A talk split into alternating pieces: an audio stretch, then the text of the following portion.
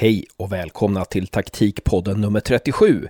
I det här avsnittet pratar vi med Ola Lidmark Eriksson som är en av uppfinnarna av Playmaker AI. Ni vet hjärnorna bakom TV4, alltså Fotbollskanalens Fotbollslabbet, där man analyserar allting om fotboll utifrån statistik. Den andra halvan av Playmaker AI heter Jocke Plogell.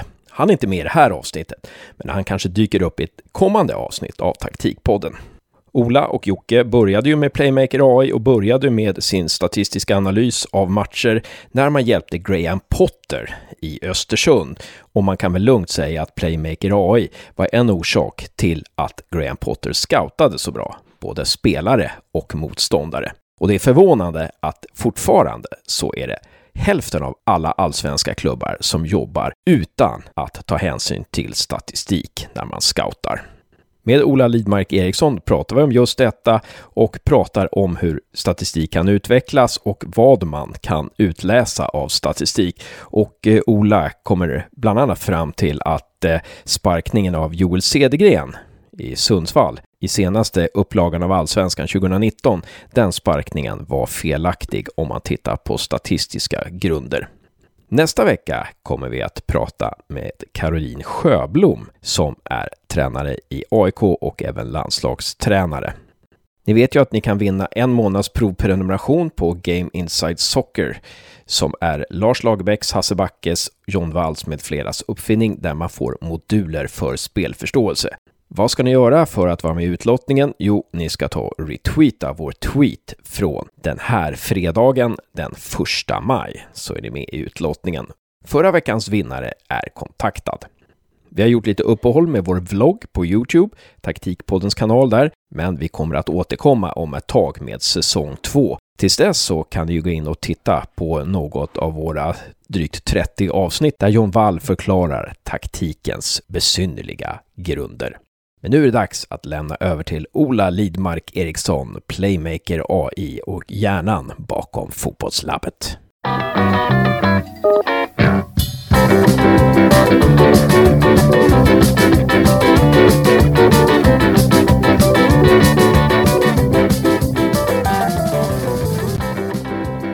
Välkommen till Taktikpodden, Ola Lidmark Eriksson.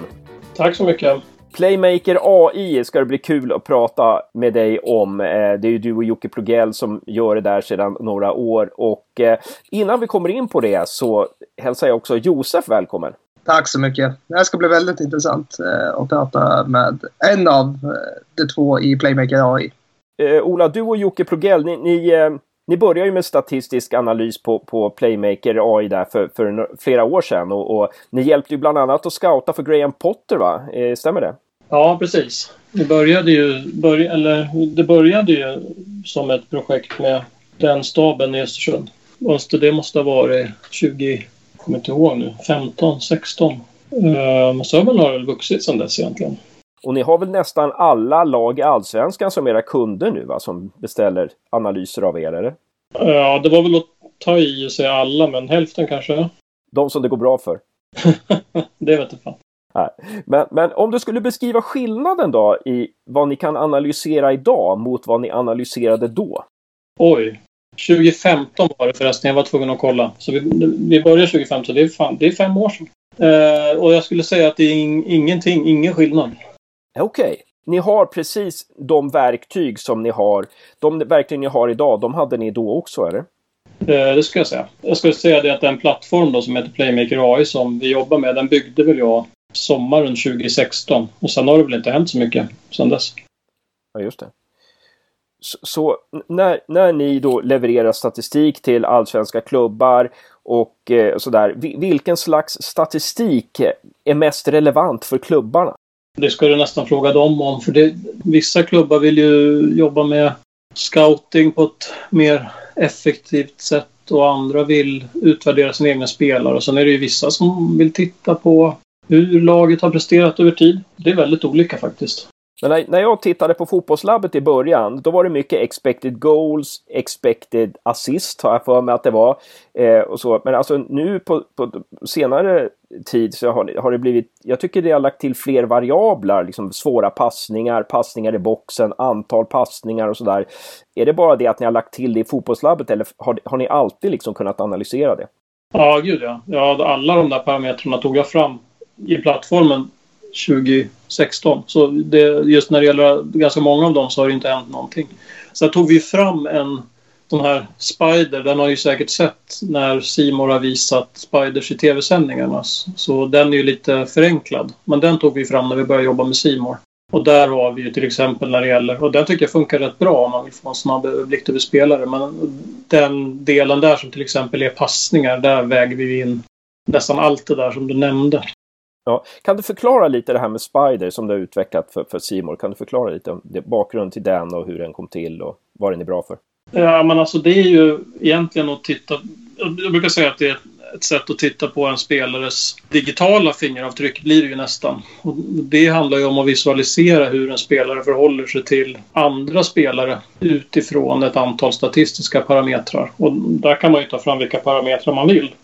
Men för att vara pedagogisk när man ska jobba med relativt breda tv-sändningar så har vi försökt sammanfatta det i till exempel passningsspel som en parameter. Och visualiserar man det då så får man se hur en spelare förhåller sig till andra i samma serie eller baserat på vad man jämför med just i passningsspelet. Så eh, några sådana där exempel som vi hade tidigt var väl ja, men, typiskt att Kristoffer Olsson när han spelade i Allsvenskan, han var ju liksom max på passningsspelet. Och då ska man ju inte förväxla det med passningsprocent utan Kristoffer Olsson har väl långt ifrån den högsta passningsprocenten men man kan ju ändå vara den bästa passningsspelaren sett till vad man gör med eh, de passningar som man faktiskt slår. Framåt i planen, in i straffområdet, eh, assists och så vidare och så vidare och så vidare. Så jag skulle säga att den spidern som ändå ser ganska enkel ut ligger ju en hel del jobb bakom just för att det är ju en utmaning att ta all den data som finns och sammanfatta det på ett pedagogiskt sätt. När vi pratade med eh, David Samter förra året, i höstas där. Han, han pratar ju mycket om rörelsemönster, ett lags rörelsemönster, rörelsescheman och sånt där. Skulle du säga att ni kan täcka in det också eller jobbar ni mer individuellt, analysera individuellt? Ja, alltså nog skulle vi kunna göra det om någon klubb var beredd att betala Ja, men det är de inte. Nej, det är de inte. Det är, jätte, det är enormt dyrt att köpa in den datorn. Vad, vad, skulle du säga att det, det, den parametern liksom lägger till det här med ett lags rörelseschema och sånt där? Vad, vad är det det kan fånga då? Eller vad lägger det till er analys, det som ni gör? Alltså jag skulle väl vilja säga att den, den stora delen av det, det handlar ju om spelförståelse och, och de delarna i hur man kan hitta ytor på planen och så vidare. Så det är klart att det tillför en dimension. Kanske framför allt när man mäter försvarsspel också. För där är det ju svårare så länge man bara tittar på vad man gör med bollen. Utan där är det ju intressant att se vad man gör utan boll också. Ehm, det finns ju många parametrar i det. Och det blir ju såklart som fotbollen är enormt komplext. Så det är klart att ju mer data du har att beskriva det med desto bättre är det. Det råder ju ingen tvekan. Vad var det för typ av statistik som särskilt hjäl hjälpte Graham Potter då när ni scoutade för honom? Ja, det måste du också fråga honom om. Men vad var det för statistik eh, Graham Potter ville ha levererad? Alltså på den tiden när vi började 2015 så då var det ju mycket expected goals. Skottkartor på spelare. Jag kommer ihåg att vi tittade på Ghoddos då och sådär. Ja. Så det var ganska grundläggande grejer, måste jag säga. Men jag vet ju att de tittar på att vi gjorde ju stora tabeller över expected goals för Östersund i de matcherna man hade över säsongen och sådär. Så nog gick det att se på Graham Potters coaching att han eh, var en ganska stor förespråkare av att man skulle ta sig in i straffområdet innan man tog avslut. Sen var ju förvisso då Ghoddo som jag nämnde en av de vassaste i allsvenskan som jag har sett just på distansskott. Men på det stora hela tycker jag att man kunde se att Potter ändå coachade laget till att ta avslut från bättre lägen än vad man har gjort generellt i Allsvenskan. Vi har hört talas om att, att tränare är ganska medvetna om att man måste ta sig in i straffområdet ett visst antal gånger för att öka liksom, eh, sannolikheten att göra mål. Kan mm. du utveckla någonting om det?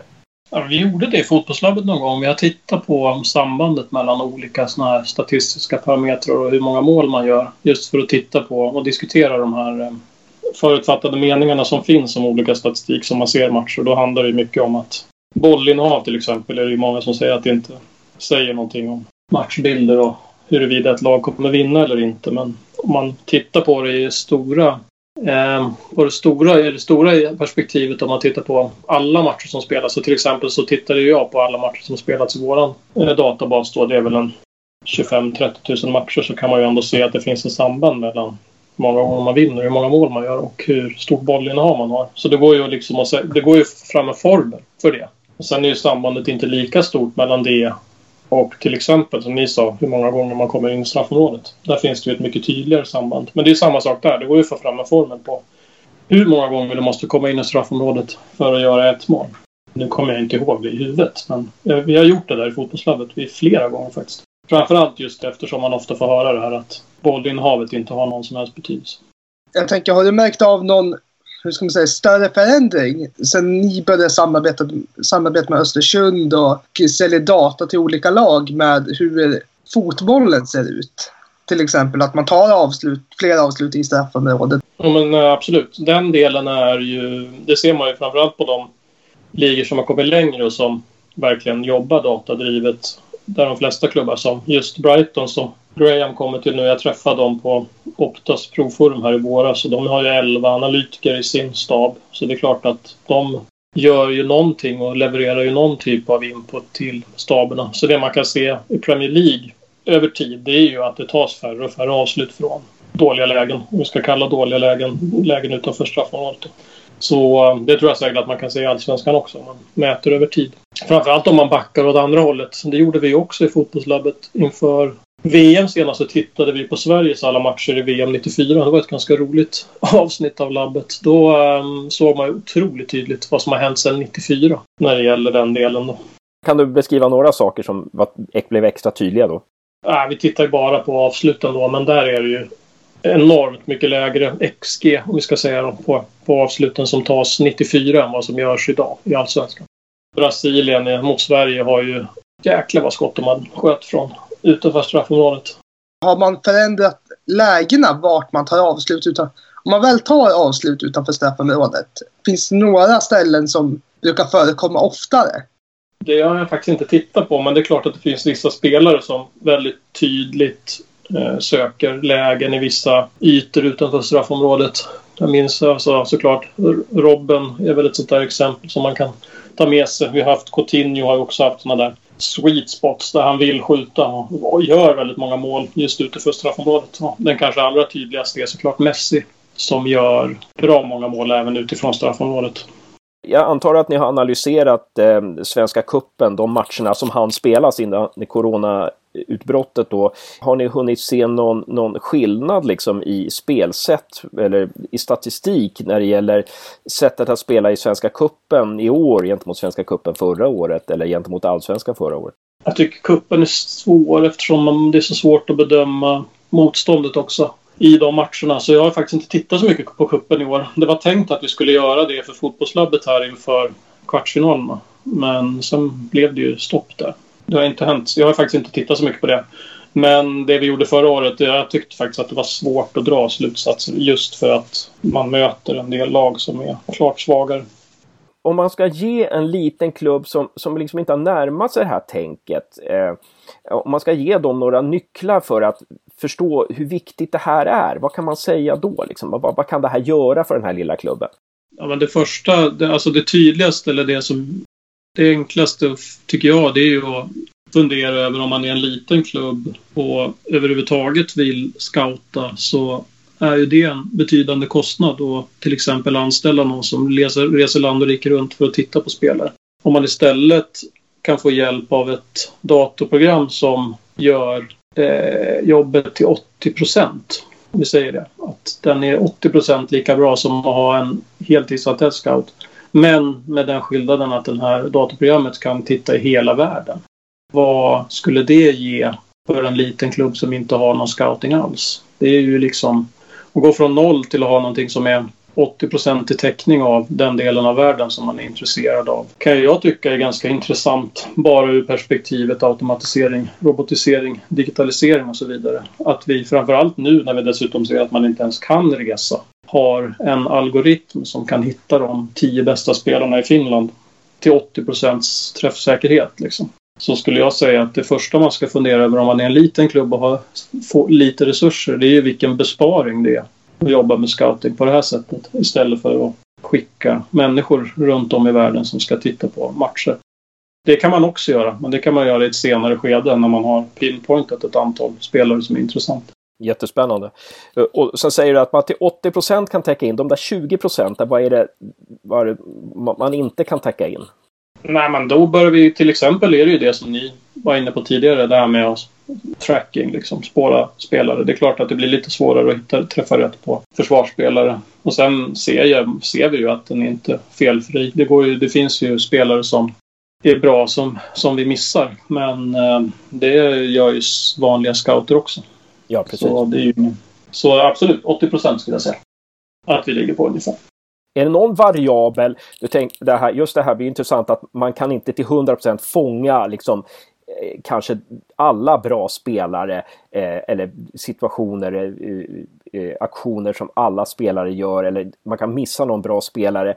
Är det någon variabel som du vill lägga till eh, i ert system för att liksom bli ännu mer heltäckande? Uh, oj, vilken bra fråga.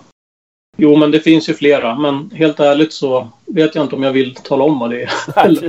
Nej, det, det, det är fullt förståeligt. Det, det, är som att, det är som att fråga en, eh, någon som håller på att göra en tv-serie. Vad blir nästa avsnitt? Ja, och sen ibland. Vi fick ju mycket, vi fick ju mycket kritik i början för att till exempel vår expected goals-modell skulle vara dålig. Det var ju liksom just när, vi bör, när den började synas i tv-sändningar då får man ju såklart höra mer på sociala medier och sådär. Det blir ju lite konstigt när vi... Det är precis som att eh, folk kritiserar eh, nej men alltså vi är ju ett vinstdrivande företag. Jag kan inte gå runt och tala om exakt hur våra algoritmer fungerar för det är ju vårat det är våran IP. Det är ju det som är vårat företag liksom.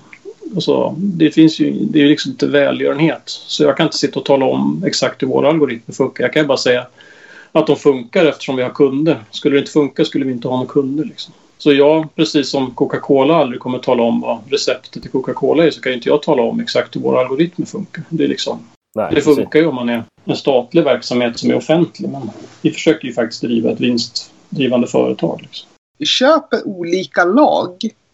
Eh, eller det här kanske inte vill svara på ens, men tänker kan BK Häcken till exempel köpa IFK Göteborgs senaste matcher?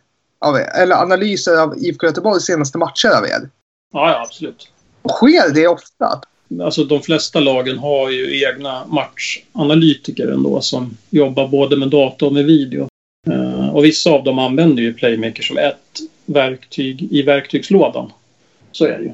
Men sen så tror jag att där är det ju upp till varje analytiker själv att tolka siffrorna och sen också göra matchplaner utifrån det. Men det där är ju en intressant fråga ur perspektivet att vi jobbar med flera klubbar. För så är det ju inte riktigt i andra länder utan hade, hade jag byggt den här plattformen och, och bott i England så är det väl kanske lite mer troligt att jag hade jobbat med en klubb specifikt.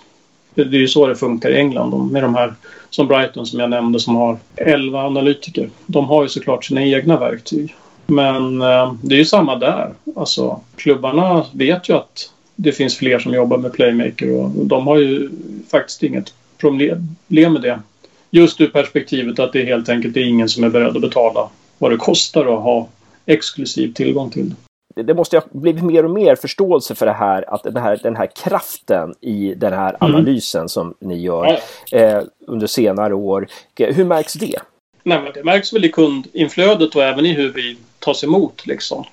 Och ja, de flesta vet ju vilka vi är. Vi har haft, trots att det är coronatider nu, så har vi fått in ja, Falkenberg och Gais nu i början på året som helt nya kunder och det är ju superkul.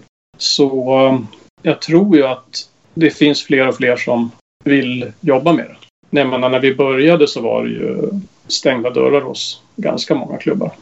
Som liksom sa rakt ut att de inte var intresserade i vändande mejl. Så är det ju inte längre.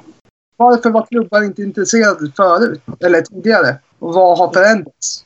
Ja, men jag tror att tiderna har förändrats. Jag menar, fotbollslabbet är väl en bidragande orsak till att det ändå är så. Jag menar, vi, vad är vi inne på? Femte säsongen. Och det är klart att det ser vi väl hos andra tv-hus och medier också att det pratas mer och mer om data som en del. Och dessutom så vet vi att det samlas in mer och mer data och det vet ju klubbarna om så någonstans så måste de ju förhålla sig till det.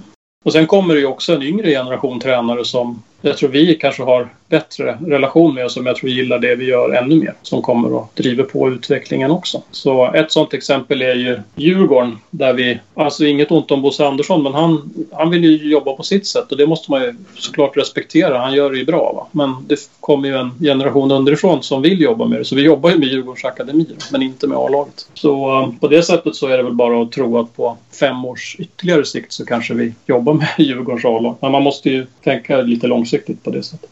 Vi pratade förut om att du kunde se utvecklingen, att du kan se när du tittar särskilt på europeisk toppfotboll kan du se att de har använt sig av statistik för de har lärt mm. sig av statistiken. De gör mm. fler eh, i aktioner i straffområdet. Så här. Kan man tvärtom också se, alltså till exempel i Sverige, att, att man hur går det att se att klubbar inte har jobbat tillräckligt med, med statistisk analys? Jag behöver inte nämna några klubbar. Men... Jättebra fråga, jag måste tänka. För det handlar ju inte bara om resultatet utan det handlar väl kanske snarare om jag skulle säga att en av de främsta anledningarna, eller sådär när man ser att man inte jobbar alls med det är ju när man är väldigt kortsiktig i sitt beslutsfattande. Det kan ju handla om att byta tränare eller göra sig av med bra spelare och sådär. Det kan jag ju tycka är kortsiktigt och ett tydligt tecken på att man inte jobbar med dataanalys i organisationen. Och sen kan man väl kanske också se det, tycker jag, sådär kortsiktigt också på fasta situationer och hur man har, vad man har fått för utdelning på dem. Du kan mer eller mindre se, liksom, när du gör en statistisk analys så kan du se att ja, men den här klubben borde inte ha sparkat tränaren utan man borde ha bytt ut den spelaren och satt in den mm. spelaren. Eller satt in den ja, spelaren. Det kan, ja. ja, absolut. Men tränarbyten och sånt där går ju ofta att se att i vissa fall är de ju relativt omotiverade kan jag tycka. Jag, jag, tänker till exempel Christian Järdler fick ju sparken ifrån Öster eh, förra året och de hade ju väldigt hög expected goals. Och, eh, jag vet inte om det är ett fall som går att lyfta ut eller så. Ja, det kan jag tycka. Sen tycker jag att Giffarna åkte ur trots att man gjorde sig av med Cedergren. Det, det kan man också diskutera tycker jag. Mm. Jag tänker, jag hade en följdfråga på det här med Djurgårdens akademi. Jag tar och flikar in den. Skiljer det sig på data akademierna köper till skillnad från A-lag? Ja, det gör det absolut. Det gör det. Vad skiljer sig? Nej, men vi, när det gäller Djurgårdens akademi, de samlar in datan själv i vår plattform faktiskt. Så det är ju, de har inte riktigt de resurserna än att göra det själva. Eller köpa den datan. Det kostar ju en del. Jag tyckte också det var intressant det här avsnittet när, när ni analyserade svenska spelare i Europa. När ni analyserade till exempel Sebastian Andersson som låg på i förhållande till expected goals så, så liksom överpresterade han eh, i sitt, sin klubb. Eh, det tyckte jag också var, var spännande där att man kan se mm man kan se liksom utifrån expected goals vad, vad spelaren egentligen, vad, vad, förväntningarna och utfallet det där. Är det, är det någonting som, som används ganska mycket i Europa eller? Det tror jag, absolut. Jag tror att eh, alltså, det är många europeiska länder som ligger före Sverige. Tror du att det är en av orsakerna till att Jan Andersson tar ut honom i landslaget? Att, att han, för det, det är ju en sån uttagning som, som man, man som fotbollssupporter tänkte, herregud, Sebastian Andersson, ska han med i landslaget? Men som visar ju på statistik där i fotbollslabbet, ja men fasen, det är nog rätt. Det tror jag absolut. Och sen har han ju, om man bara tittar på den här spidern som vi visade då, så har han ju en profil som är lite speciell. Och det är klart att i ett landslag vill man ju ha kanske lite bredd och olika egenskaper hos olika spelare för att kunna förändra matchbilder och så vidare. Så jag tror att han av den anledningen också är intressant. Hasse Backe lyfter ju fram till exempel det här med att han, han är bra att ta in om, för att försvara en ledning till exempel. Eh, bra mm. på huvudet i ja, egna straffområden. John Wall har ju pratat i vår eh, vlogg här på, på Youtube har han ju pratat om packing rate och det här tyska företaget nu som jag inte minns namnet på. Liksom att man kan, man kan mäta avgörande brytningar och passningar som bryter igenom linjer och sånt där. Eh, vad säger du om det? Jag tycker packing, jag gillar det jättemycket. Jag tycker, den är, jag tycker det är en jätteintressant statistisk parameter. Och det är ju en av dem, på tal om det här med att ha tracking-data. Det är ju en sån output som du kan få. Då. Ja, är det någonting som ni också jobbar med, liksom det här passningar som bryter genom linjer? Och... Ja, i den mån vi kan då, utan att, med den data vi, vi har tillgänglig. Så absolut. För det som jag tyckte var spännande med det, det var ju det här med att, att spelare som kanske inte hamnar i målprotokollet eller assistkolumnen eller spelare som har defensiva uppgifter också kan mätas. Liksom. Mm, absolut, jag håller helt med. Helt med. Men sen är det ju, det finns ju en ganska tydlig korrelation för man kan ju titta på kedjor som leder till avslut och sådär också då, utan att mäta eh, den här spårningen. Så jag tror att man ofta ibland, eller jag ska inte säga ofta, men det, det är lätt att leta efter nästa generation av data och hela tiden hitta nya tillämpningar. Men faktum är att vi liksom är långt ifrån i mål med att ens kunna säga, få ut det vi kan av den data som vi har tillgänglig nu. Så eh, det finns ju mycket kvar att göra innan man är färdig med den datamängd som vi, som vi har nu, skulle jag säga, när man bara tittar på vad man gör med bollen. Med det sagt så ska jag säga att jag har inte tittat på det själv men det skulle förvåna mig om det var jättestor skillnad mellan att titta på en spelares packing rate och en spelares XG chain. Alltså hur många kedjor man är med i som leder till avslut. Ofta finns det liksom workarounds att ta till för att även skapa, för, för att faktiskt jobba med bara on the ball, för att få off the ball. Det går ju, jag, när jag var på någon konferens förra året så var det till och med jag tror de var ekonomer i grunden, men som jobbar på en universitet i Mellaneuropa som hade tagit fram en modell för att skapa de här Voronoi-ytorna, alltså när man tittar på hur stor yta en spelare täcker hela tiden utan att ens spåra spelarna, utan bara göra det utifrån och estimera var man befinner sig på planen sett till var bollen är just nu. Och det var faktiskt ganska träffsäkert. Jag ska säga takeawayen är att jag tror inte att man i våran eller det där jag håller på med så, jag menar, vi är inte i närheten av att vara i mål med vad man kan göra med den data som vi har tillgänglig. Så jag tycker att visst, om jag hade haft tio anställda analytiker och eh, obegränsad budget så hade vi säkert tittat på trackingdata också. Men eh, jag vet inte, vi är väl i läget nu att vi försöker driva ett vinstdrivande företag och då måste vi ju vara lönsamma. Och det är inte lönsamt att jobba med trackingdata i Sverige just nu. Nej. För våran del. Och det kanske är lite fara sådär att, ja, men att, att man, det, det, det, det gäller att jobba klart som du säger. Det gäller att jobba klart med de resurser som finns och det allt man kan få av, av er. Eh, det, det, det är lätt hänt kanske. Man får inte bli så att man bara hoppar på det senaste för att hoppa på det senaste. Utan ja, blir... men alltså vi är ju fortfarande i ett läge där hälften av de allsvenska klubbarna överhuvudtaget inte jobbar med datascouting. Vi bara tar, pratar om scouting. Så att jag då ska börja lägga tid på att bygga modeller för tracking när vi fortfarande inte ens jobbar med ett gäng klubbar. Det blir liksom, det är som att springa mot fel, på fel mål tycker jag. Ja, det där är helt galet alltså. Vad är orsaken till att det är så många klubbar som inte jobbar med sån här analys? Uh, ja, men det måste du fråga dem om. Och frågar du vissa av dem så säger de säkert att de gör det också. Vi har en avslutande fråga och om vi hade en tidsmaskin och du kunde gå tillbaka tio år Eh, vilken insikt skulle du ta med dig bakåt i tiden som du hade behövt då?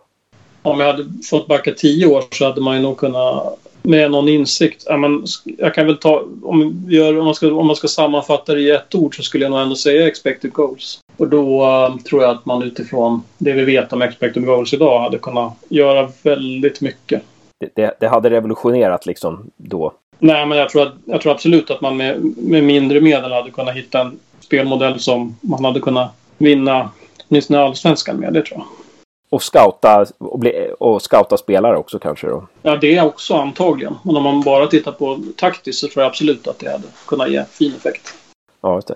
Jag måste bara ställa en följdfråga, för det är ju superintressant där. Alltså, för, för, för, om en klubb för tio år sedan, nu ska vi se, vilka var det som vann för tio år sedan? Det var... 2010 var Malmö. Malmö, ja. Men, men det var det året. Men, men Helsingborg kom tvåa, jag tror Helsingborg ledde hela vägen då. Men, men vad hade man kunnat göra med expected goals då? En, liksom, vad hade kunnat, för då när ingen jobbade med statistisk analys i princip, vad hade det, hur hade det kunnat revolutionera fotbollen då? Nej men alltså då tror jag nog att man hade kunnat gå in i de här fundera över att hela tiden söka den gyllene zonen för att få så bra avslutslägen som möjligt och säkert i större mån än vad man får nu hade tillåtits att göra det. Va?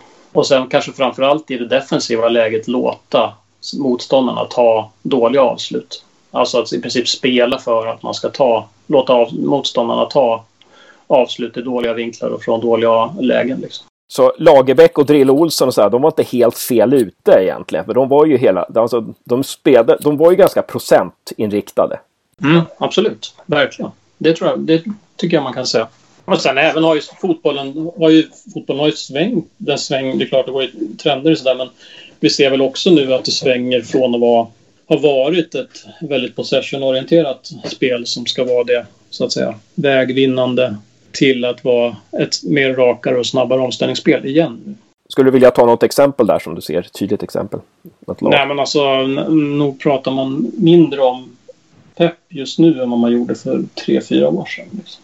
Och där är väl Potters Brighton ett exempel också som vi har pratat om i fotbollslabbet. Att där är det ju ett lag som har förhållandevis väldigt hög possession men som ändå är indragna i Premier Leagues bottenträsk. Även om det såklart också har att göra med vilka spelare man har till sitt förfogande. Men det går nog att argumentera för att Brighton hade kunnat få mer utdelning om man hade spelat lite rakare. Mm. Kommer du säga det till Potter? Nej. det vet han nog själv. Han vet det? Ja. För att, jag tror att det, sen, hand, det, sen det handlar det om att vara konsekvent och spela på det man tror på också. Så då tror jag att man når framgång på sikt också. Man måste ju vara långsiktig. Precis, precis. Helt rätt. Stort tack Ola Lidmark Eriksson för ett grymt eh, in, inträde, får vi säga, för att använda ditt ord, i eh, Taktikpodden. tack. Och tack Josef, bra jobbat. Tack själv Hasse och tack så mycket Ola. Tack.